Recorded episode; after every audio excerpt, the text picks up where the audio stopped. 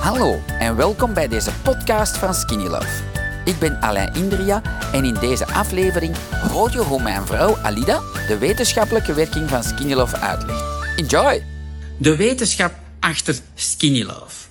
Skinny Love heb ik ooit lang geleden voor mezelf gemaakt, maar dan natuurlijk hebben we klinische testen gedaan en wij, wij hebben hier een wetenschappelijk team. Dat is mijn labo. Hier, ik heb meer dan 500 kruidenextracten hier.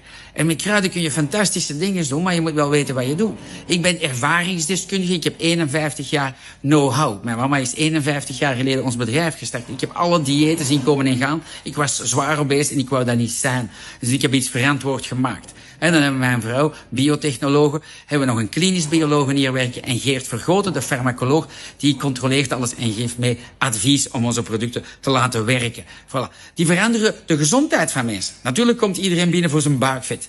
Maar daarna zeggen die meneer, ik heb fibromyalgie en ik kan gaan padellen en ik heb geen pijn meer. Hoe zot is dat? Voilà. Mensen die diabetes type 2 zijn, inspuiten vier keer per dag. Geen pilletjes niet meer moeten nemen en niet meer moeten inspuiten.